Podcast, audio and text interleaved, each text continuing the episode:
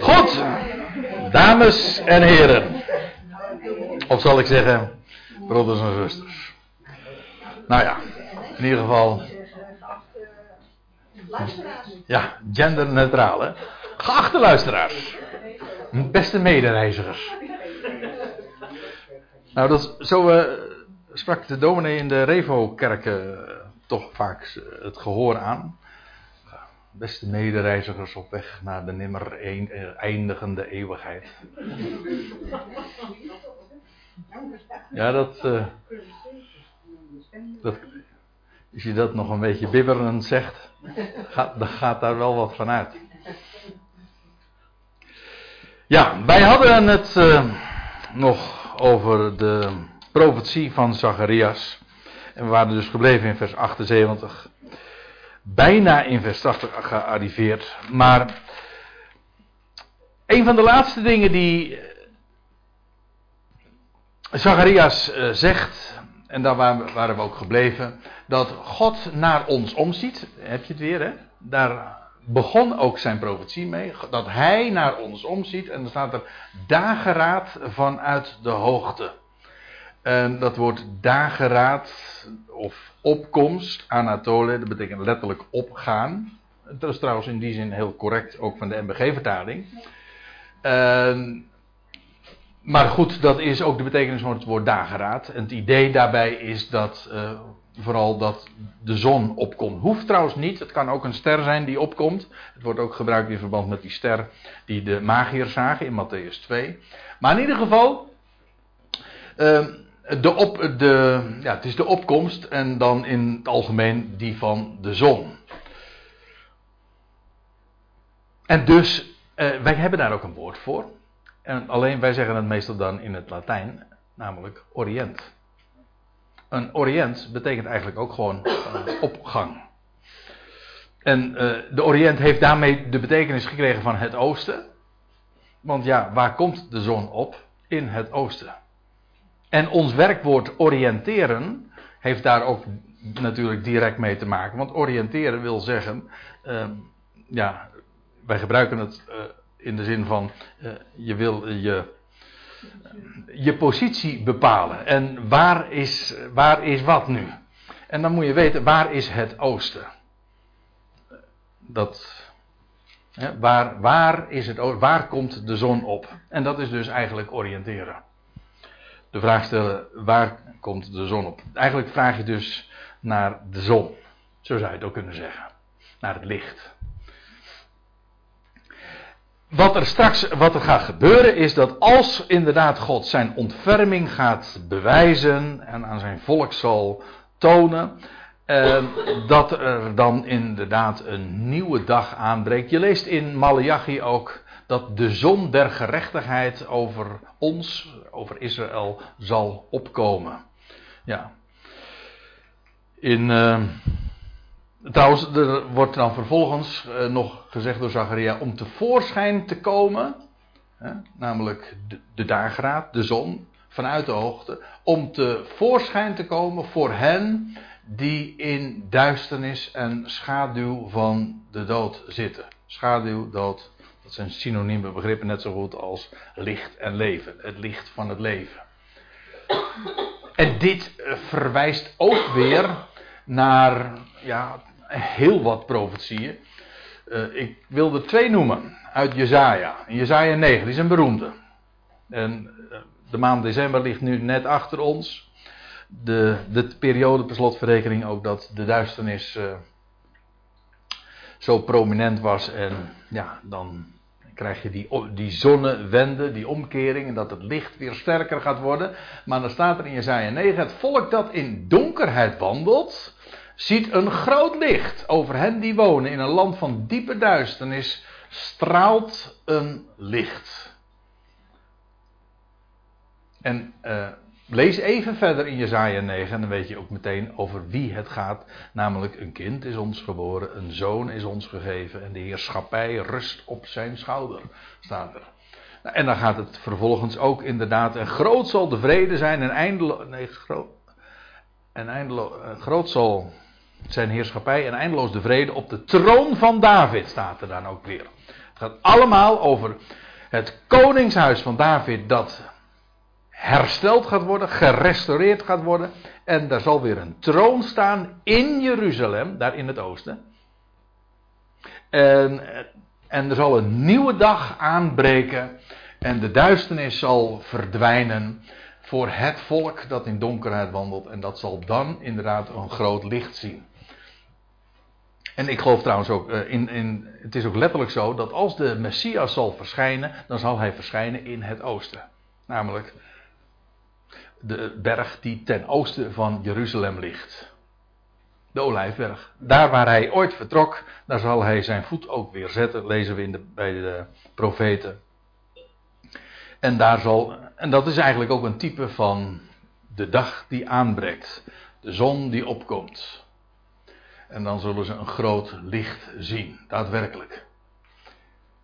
Nog één, Jezaja 60. Uh, want zie, dat, zal, dat is een hele bijzondere profetie ook, want dan lees je ook hoe, uh, hoe de hele context van de situatie zal zijn. Want zie, duisternis zal de aarde bedekken en donkerheid de volkeren, maar over u, Israël, zal Yahweh stralend opgaan. Hier heb je weer. Als de zon die opkomt. En zijn heerlijkheid van Yahweh zal over u gezien worden. En dan, natieën zullen opgaan naar uw licht en koningen naar uw stralende opgang. Het idee is, eerst wordt Israël, uh, zal Israël te maken krijgen met het licht, maar dat zal nog in de tijd zijn dat de natieën in duisternis wandelen. Want eerst wordt Israël ja, teruggebracht en geconfronteerd met haar God. En via Israël zal het vervolgens ook over de volkeren uh, baanbreken, het koninkrijk daar gevestigd worden. En natieën zullen dan opgaan naar uw licht. Met andere woorden, uh, de, de zoon vestigt zijn troon, maar vanaf zijn troon uh, doet hij dat en zal hij dat koninkrijk uitbreiden.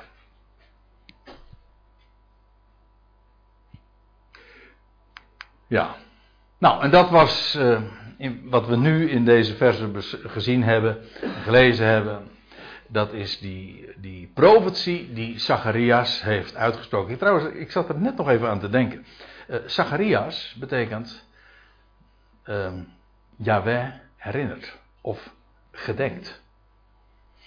En God gedenkt zijn verbond. God gedenkt zijn belofte. Hij gedenkt de eed die hij gezworen heeft.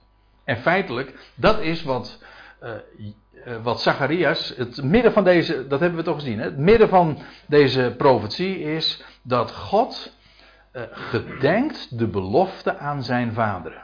Ah, pardon, aan de vaderen. Nou, dat is wat hij, wat Zacharias, zijn naam ook uitbeeldt, namelijk God gedenkt dat en dat betekent hij, uh, hij vervult dat. Hij vergeet, hij vergeet niet wat hij gesproken heeft. Nee, hij, weet dat, hij herinnert dat en hij vervult daarom ook, want hij is getrouw. Dus de naam Zacharias, die profeteert, uh, die wordt eigenlijk ook uitgedrukt in de hele profetie die hij uitspreekt. En dan wordt tenslotte nog uh, gezegd: De kleine jongen nu groeide op en werd krachtig gemaakt in geest, of geestelijk eventueel. Geestelijk werd hij krachtig gemaakt. En hij was, staat er, eigenaardig, zoals dat geformuleerd wordt. Ik, ik refereerde er zojuist al even aan, dat zodra hij dan groter wordt, uh, dan wordt eigenlijk die hele jeugd wordt aan, ja, in één pennenstreek zo beschreven. Hij groeide, hij werd krachtig gemaakt in geest. Uh, en dan vervolgens, hij was in eenzame plaatsen tot de dag van zijn aanwijzing, zoals dat letterlijk, tot hij vertoond werd, wordt de MBG-vertaling dan ge, gezegd. Maar letterlijk, hij werd aangewezen, de dag van zijn aanwijzing naar Israël.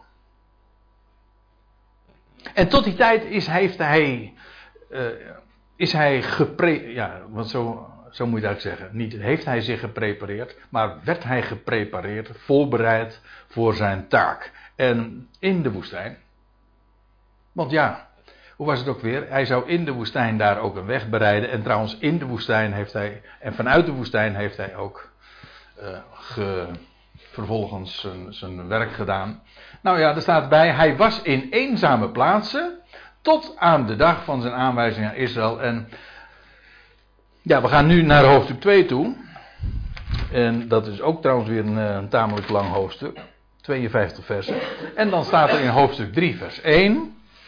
In het vijftiende jaar van de regering van keizer Tiberius, toen Pontius Pilatus stadhouder over Judea was en Herodes viervorst over Galilea en zijn broer Philippus viervorst over Iturea en het land van Trachonitis en eh, nou ja, nog een paar namen.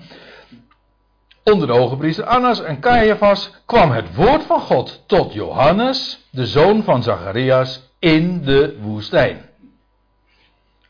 En hij kwam in de hele Jordaanstreek en predikte de doop van bekering tot vergeving of tot loslating van zonde, etc.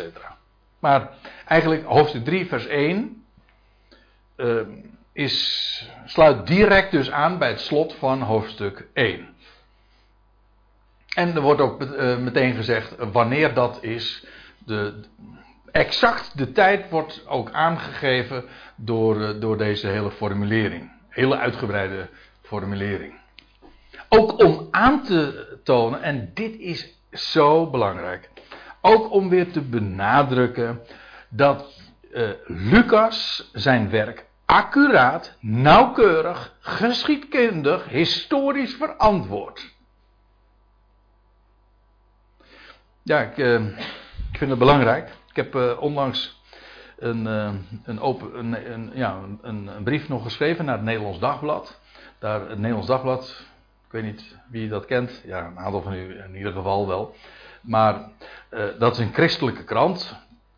En in die krant had een artikel gestaan, ergens was dat halverwege december of zo. En ze hebben het trouwens niet gepubliceerd, maar ik wel, op mijn website. Dat is het mooie van uh, internet. dus je bent eigenlijk helemaal niet meer afhankelijk van wat anderen dan doen. Maar in ieder geval, in de krant had een artikel gestaan over ja, over Lucas. En er werd eigenlijk gesuggereerd van ja, die heeft zijn werk helemaal niet goed gedaan. Was eh, een onbetrouwbaar historicus. Het was onvoorstelbaar dat zoiets dan in, in zo'n christelijke krant dan verschijnt. Want de essentie van dat hele boek is nu juist dat het volstrekt historisch is. Dat wordt juist benadrukt. Daar begint Lucas notabene zijn evangelie ook mee. Met zijn boek mee, of zijn boeken. Want het is eigenlijk, eh, het zijn, het zijn twee boeken die hij eh, na elkaar geschreven heeft. Maar juist opdat je de absolute zekerheid zou hebben van dat het waar is waarover je bent geïnformeerd en wat jou verteld is, zegt hij dan tegen Theophilus. Ja, dat zou die weten. Dat, om daarin bevestigd te worden, en, en, en wie zijn het die het afbreken? Dat absolute solide werk, uh, dat zijn dan christenen. Ja. ja, sorry, dat klinkt wat. Uh, nee, is niet eens ironisch, dat is cynisch. Maar ik weet niet hoe ik dat goed moet zeggen. Dat is, het maakt mij eigenlijk ook wel, nou ja, ja, toch wel boos ook. Het enige wat ons is toevertrouwd, is wat we hebben, maar dat is ook alles wat we nodig hebben, dat is de schriften. En wat doen we daarmee? Bestuderen we? Nee, we studeren het niet. We, we hebben daar onze eigen interpretatie aan opgehangen. En dat handhaven we. En eventueel ook ten koste gewoon van de schrift. En zo gaat het. Uh... Meegeuren met de wolven in een bos. Ja, echt. Ja. Heeft het al gezegd. Uit uw eigen midden. Hè? Uit uw eigen midden zullen mensen opstaan die verkeerde dingen zullen spreken. Ja, die de kudde niet zullen sparen. En als er iets is wat, wat, waar, waar, waarmee inderdaad uh, misleidt, dan is het wel wanneer je, wanneer het woord van God gaat tegenspreken of verdraaien. Want in, dat is wat er eigenlijk ook aan de hand was uh, in dat bewuste artikel. Dat ging trouwens precies over uh, de aanvang van Lucas 2. En er werden dingen gezegd van, ja, er is helemaal geen volkstelling geweest in de dagen van Augustus. Of uh, in, in de dagen dat de Jezus geboren werd. En het klopt nog ook. Alleen zij bedoelde daarmee te zeggen van dus is het niet waar wat Lucas daarover gezegd heeft. Maar ja, dat is ook niet zo belangrijk, want het gaat er niet om dat het echt gebeurd is. Het gaat om de geest. Zo wordt dat dan verkocht. En dan, dan word ik helemaal, denk van, dit is, dit is de boel inderdaad verlinken, verdraaien ook. Want het gaat er nu juist wel om dat het echt gebeurd is. Waar en solide is. Maar uh, men altijd is verteld van ja, er is een volkstelling geweest. He, dat, zo wordt het verteld. Maar het was helemaal geen volkstelling. Zo wordt het ook niet genoemd. Het wordt een inschrijving genoemd. Een registratie. Dus heel anders. Nou ja. En dan vervolgens zelf dus. Kijk, dat bedoel ik. Men leest iets. Of men vertaalt iets. Men interpreteert iets. Dat handhaaft men. En op basis van die verkeerde interpretatie valt men vervolgens de schrift aan. Maar in feite, eh, wat je doet, is vechten tegen windmolens. Want je denkt te strijden tegen de schrift, maar in werkelijkheid zit je gewoon je eigen denkbeelden uh, te bestrijden. Want uh, dat wat men de schrift toeschrijft, staat helemaal niet in die schrift. En zo gaat het altijd. Ja. Nou ja, ik zeg altijd. Uh, wel heel vaak, ja. Ja, en nou zou je natuurlijk kunnen zeggen van dat we halverwege januari een beetje laat zijn met de bespreking van Lucas 2 vers 1 en het navolgende. Maar wij trekken ons natuurlijk daar niet zo heel veel van aan. Dat uh, treft uh, zo gewoon zo en dat plannen wij helemaal niet. Trouwens, als we het er nou toch over hebben, die hele gedachte natuurlijk dat, uh, dat die hele geschiedenis van de geboorte van de Heer Jezus geplaatst moet worden aan in december. Nou, dat is nou typisch nou weer zo'n voorbeeld van uh, ja, traditie. Midden in de winternacht ging de hemel open en het was koud en zelfs de. Nou ja, hoe. het liep tegen het nieuwe jaar, zo was die. Hè? Ja. En, er was ook, en, zelfs de, en zelfs de dieren hadden het koud. Dus, dus van die, ik ken die kerstliedjes niet zo goed meer, want ik zing ze nooit meer. Nou ja, ik bedoel maar, uh, dat zijn dan de, de gek hè? Die dingen blijven gewoon gehandhaafd en die liedjes blijven gewoon, ondanks het feit dat we weten dat het helemaal niet klopt. Of zelfs, vaak wordt het nog wel toegegeven ook, ja nee het klopt niet. Nee, we handhaven het wel. Ik vind als op het moment dat je ontdekt dat het niet klopt is, dan zou je, je zou zeggen, dan passen we het gewoon aan. Hè, naar, naar de kennis die we nu hebben vanuit van de schrift. Nee, dat gebeurt niet. Het was dus in december was dus de Nationale Bijbelquiz. Ja. Dat is over kerst.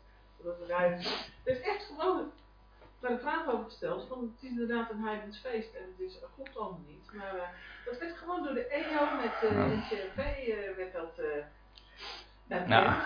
Als ze zeiden dat het ja. is. Op wat voor heidens, uh, wat? Op wat voor heidens gebruik is kerst gemaakt? Ja. ja. Oh ja, oh ja. Ja, ja precies. Dat waren vragen die gesteld werden.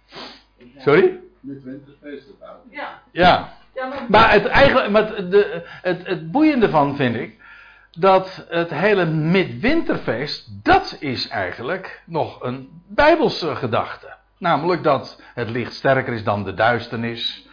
En dat het leven de, de dood overwint. Want dat is eigenlijk wat er daarin ook meekomt. Als dat in, in de winter uh, breekt het, uh, het licht door. En daarmee komt ook het leven weer tevoorschijn. Nou, kijk, dat is een bijbelse gedachte.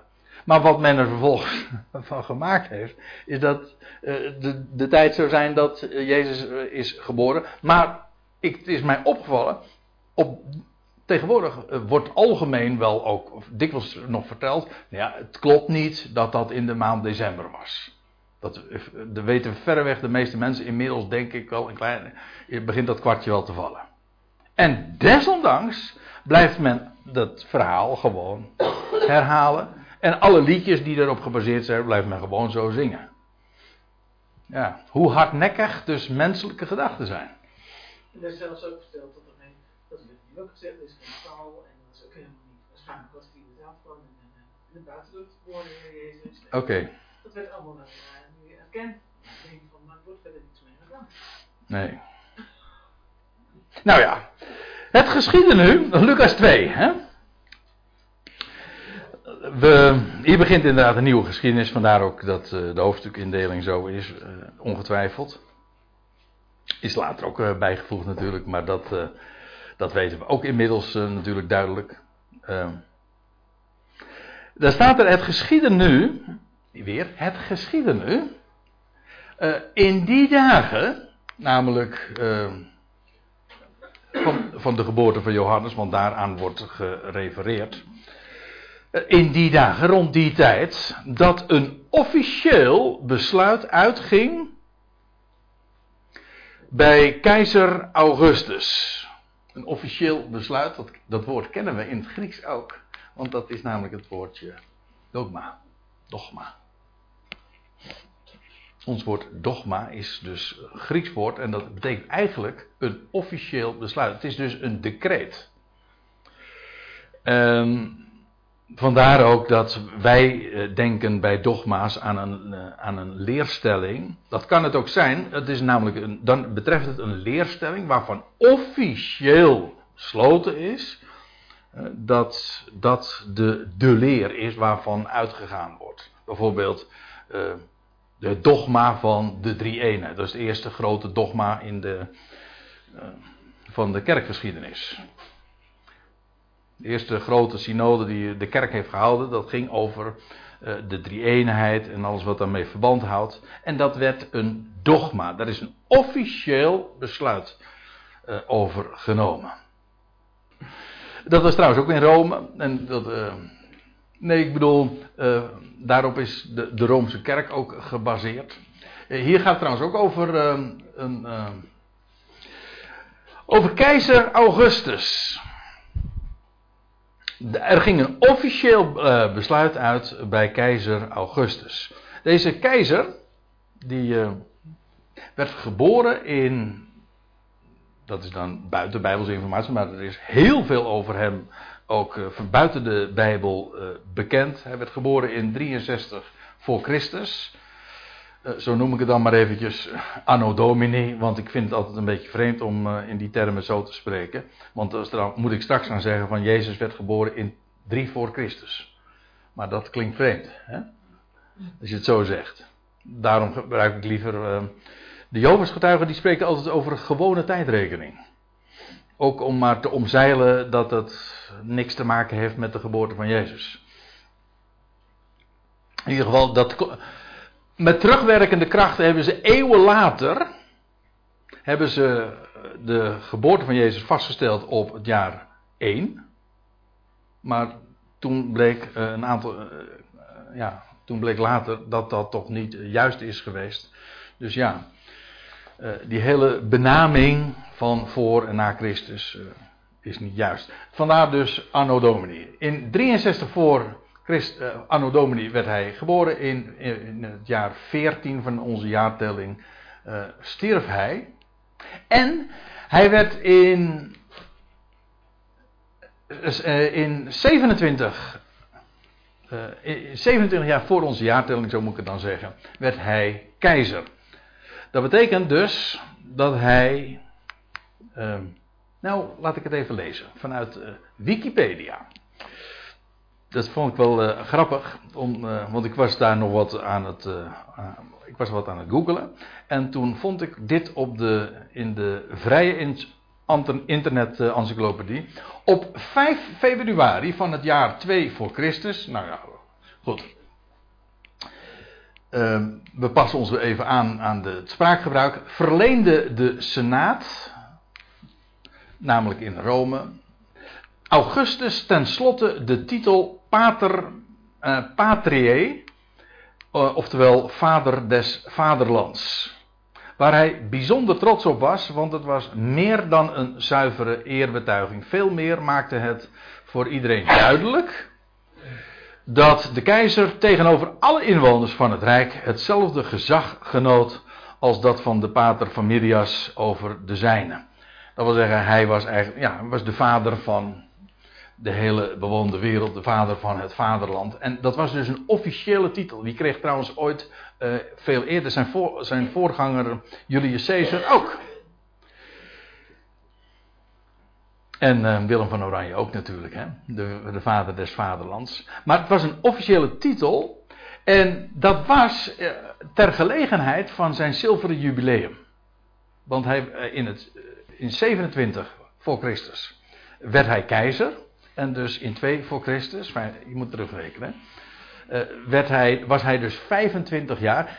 Um, 25 jaar was hij keizer, ja. En bij die gelegenheid kreeg hij die, uh, uh, die bijzondere titel toegekend. Uh, waar hij zo trots op was. Trouwens, het was ook het, het was dat jaar was ook het, ja, ehm, dat Rome 750 jaar bestond. Dus het was in allerlei opzichten een jubileumjaar. Ik lees nog even verder. Uh, het gezien nu in die dagen dat een officieel besluit uitging bij keizer Augustus dat heel de bewoonde wereld geregistreerd moest worden. Of ingeschreven. Ik had het er zojuist al even over. Er staat dus niet dat het een volkstelling was. Want alom wordt er vaak, uh, daarover gezegd van ja, het was ter gelegenheid van een belastingwetgeving. Maar dat, dat staat er niet. Er wordt ook niet gesproken over een volkstelling, maar over een registratie. En wat er aan de hand was. En ik wil straks ook die dia nog wel eventjes laten zien. Waarin dat heel mooi en allemaal beschreven wordt, ook in een historische context. Ik bedoel, hier wordt uh, Augustus genoemd en in het volgende vers ook Quirinius. Maar er is heel veel ook over in de ongewijde geschiedenis van bekend. Maar als je dat uh, wil weten, hoe dat allemaal uh, is gegaan, en dat is buitengewoon boeiend, dat is het boek The Star That Astonished the World. Het is niet in het Nederlands uitgegeven, van Dr. Martin, Dr. Ernst Martin. En in dat boek wordt dit uitgebreid ook beschreven en die laat ook zien dat ter gelegenheid van dat jubileum van keizer Augustus is er een registratie ge, gedaan, een inschrijving, namelijk voor de eed van loyaliteit of van trouw. En dat was een erkenning van de keizer. Dat wil zeggen, heel, de, uh, heel het rijk, ja, want staat heel de bewoonde wereld, heel de oikumene. Ons woord oikumene staat hier. Dat betekent de bewoonde wereld.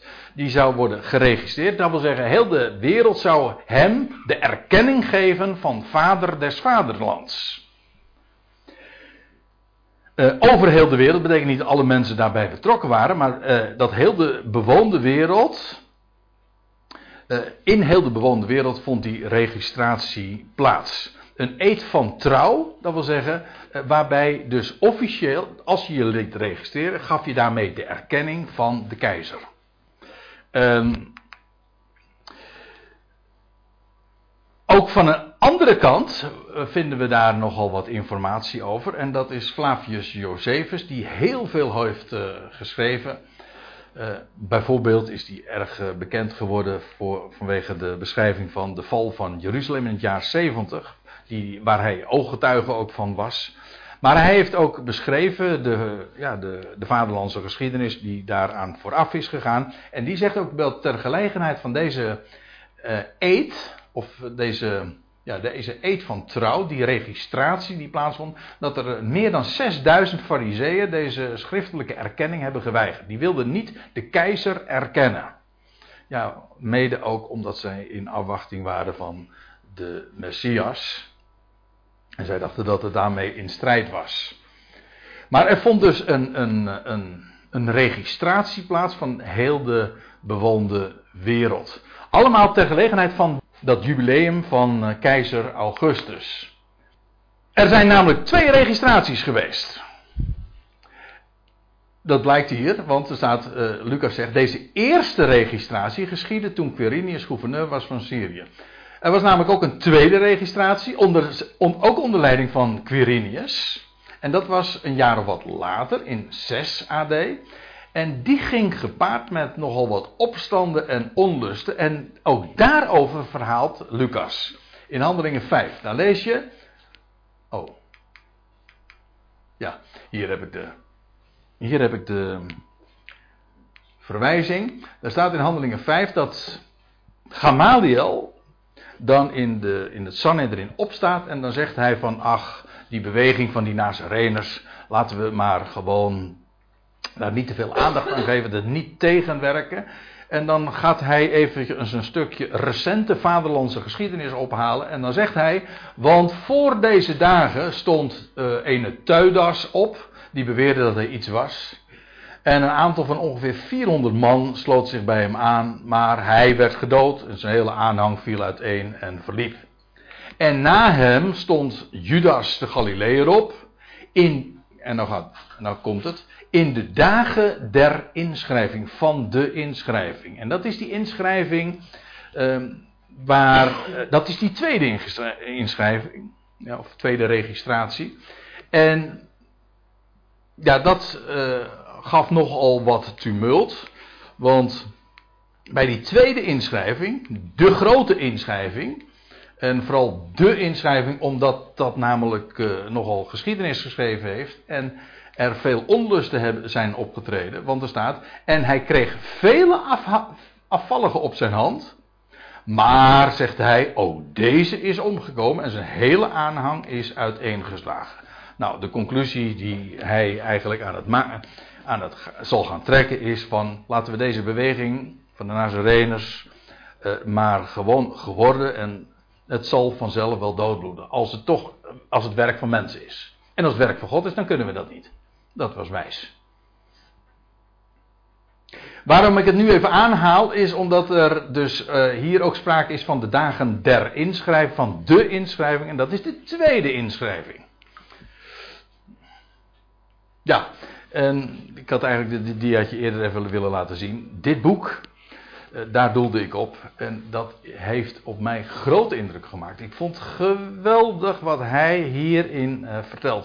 Het is trouwens heel boeiend, want in Amerika heeft dit boek heel veel uh, nogal losgemaakt. En altijd in de maand december, in talloze planetaria, wordt er ook getoond hoe bijzonder de, de hele constellatie was van sterren in de dagen dat de Heer Jezus geboren werd. Namelijk dat er een conjunctie plaatsvond en wat de magiërs uit het oosten hebben gezien en wat hen naar, uh, naar het Joodse land bracht.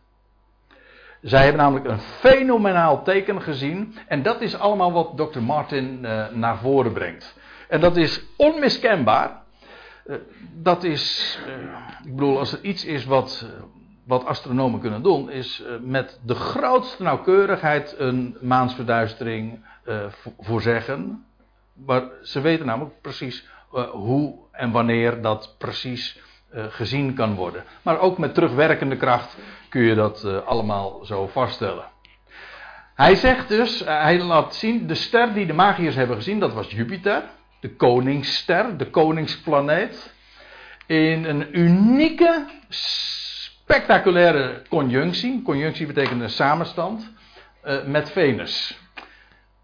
We hebben uh, bij een veel eerdere gelegenheid, misschien wel twintig jaar geleden, hebben we daar nog eens een keertje een hele avond aan gewijd. Herinner ik me. Dat was, uh, dat was nog in Rijnsburg. een conjunctie, dat is dus een samenstand. Eigenlijk is het zo dat, kijk, de zon en de maan, dat zijn de helderste hemellichamen natuurlijk. Maar daarna krijg je Jupiter en Venus. Die zijn, dat zijn veruit de, van de sterren, of de sterren, twaalf sterren, de helderste hemellichten. En dus dat betekent dat als die twee hemellichten, Jupiter en Venus, samenstaan, dat is zeer uniek. Nou, dat is uh, wat er gebeurde, dat wil zeggen de koningsplaneet die stond samen met de planeet van de vruchtbaarheid. En dat was een aanwijzing dat de koning was geboren. Er is nog veel meer over te vertellen, want het was ook nog in het sterrenbeeld de leeuw. En het sterrenbeeld de maagd had er ook nog weer alles mee te maken. Dus uh, voor die magiërs in het oosten, die wisten genoeg. En in ieder geval, die ster bracht hen in het Joodse land. En uiteindelijk zelfs in Bethlehem. Nou, hij laat zien hoe, wat, eh, wat zij hebben waargenomen en waarom het zo spectaculair is geweest. Wat zij gezien hebben en de conclusie die zij daaruit hebben getrokken. Want ja, die magiërs die, wisten van ja, de hemelen die vertellen Gods eer. Dat, dat was informatie die ze al hadden eh, meegekregen, ook in alle boeken van de profeten, die ook eh, daar eh, terecht waren gekomen. En die reeks van gebeurtenissen, die van conjuncties, die vonden plaats in, de, in, in 3 tot 2 voor Christus. Ook wat hij ook laat zien is dat, eh, wat algemeen gedacht wordt, is dat Herodes de Grote stierf in, in, in jaar 4 voor onze jaartelling. Maar zegt hij, dat klopt niet, dat is niet waar, het is in het jaar 1 voor onze jaartelling geweest. Hij laat dat ook geweldig eh, zien en hij laat ook zien hoe belangrijk dat is in verband met de datering van de geboorte van de Heer Jezus. Want ja, toen de Heer Jezus geboren werd, toen was Herodes de Grote nog in leven. Toch? Ja, want dat was ook de aanleiding waarom de magiërs Jeruzalem kwamen en, en Herodes eh, verschrikt eh, die kindermoord in Bethlehem ook heeft aangericht. En Jozef en Maria gevlucht zijn naar Egypte, et cetera. Dus ja, die, dat is van groot belang om dus die, de geboorte van de Heer Jezus ook te kunnen dateren. En dus ook om deze versen in Lucas te begrijpen. Als dat zo aangewezen wordt, was in de dagen van keizer Augustus, die een inschrijving bevolen had, een decreet had uitgevaardigd, ja, ter gelegenheid waarvan dan wel. En het was ook in de dagen van Quirinius, ja, oké. Maar dan is, het was ook in de dagen van Herodes de Grote. Hoe verhouden die dingen dan? En wat was er aan de hemel dan te zien? Nou, dat wordt allemaal gereconstrueerd in dit boek. En je kan zeggen van nou, ik heb genoeg aan de Bijbel, daar staat het. En dat is waar. Maar ik vind het wel mooi om, om die bevestiging dan ook in de ongewijde geschiedenis te zien. En hoe ook de sterrenhemel eh, dat gewoon bevestigt. En ook diezelfde waarheid naar voren brengt.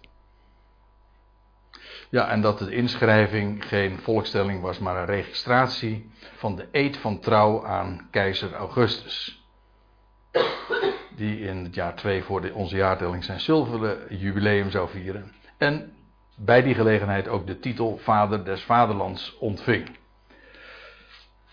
Nou ja, eh, dat soort eh, dingen. Ik zie dat we inmiddels tegen tienen lopen. Dus ik denk dat we er verstandig aan doen om nu eh, de rest van, eh, van deze versen te parkeren voor eh, over drie weken. Over hoe Jozef en Maria met die registratie omgaan. En die naar hun eigen stad moeten gaan. Waarom moesten zij, want dat is dan de cliffhanger dan. Laat ik die dan nog eventjes, eh, laat ik daarmee afsluiten. Waarom moesten Jozef en Maria zich laten registreren in Bethlehem, terwijl ze in Nazareth woonden? En dat heeft alles te maken, dat kan ik wel alvast wel verklappen, ook met het feit dat die eet van trouw. Namelijk, ja, ze kwamen namelijk uit het huis van David. Ze waren niet zomaar de eerste het beste.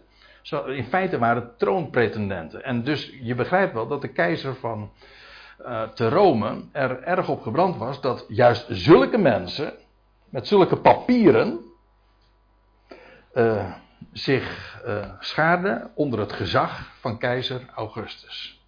Nou heb ik het eigenlijk al een beetje verklapt natuurlijk. Maar goed. Ja, ja, ja, ja. Maar goed. Lucas 2 vers 3, daar gaan we de volgende keer mee verder.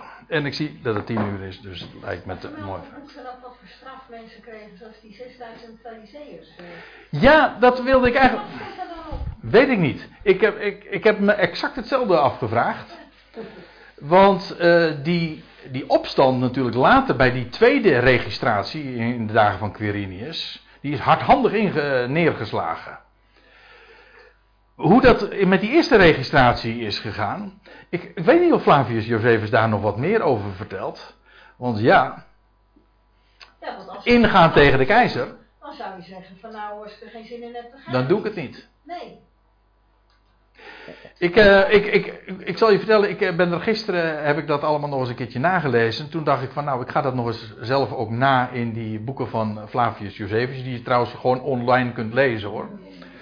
Dus eh, je hoeft die boeken niet eens aan te schaffen, want het is, eh, eh, ja, het is al allemaal vrij beschikbaar. Eh, meestal trouwens wel in het Engels. Maar daar moet je waarschijnlijk ook bij Flavius Josephus nog wel meer over vinden. Over wat er met die, met die lui ook gebeurd is. Ik stel me zo voor dat dat niet zachtzinnig geëindigd is. Want als dat zomaar vrijblijvend was geweest. Ja, dan zouden er veel meer Dan zouden. Ja, want, want niemand in het Joodse land. Eh, zat daar natuurlijk op te wachten om, eh, om die keizer. om je loyaliteit er be- mee te betonen. Ja. Daar heeft trouwens de Heer Jezus natuurlijk later ook eh, nooit eh, problemen mee gehad met de erkenning van de keizer. Sterker nog, hij zegt: geef aan de keizer wat des keizers is. En dat hebben Jozef en Maria in dat, op dat standpunt hebben zij dus ook gestaan. Gewoon, wij erkennen de keizer en als het onze tijd is, in de stad van David, dan eh, wijst God dat vanzelf op zijn tijd wel aan. Zo. Goed. Zullen we het eh, hierbij laten? Ik stel voor dat we nog zullen afsluiten met dankgebed.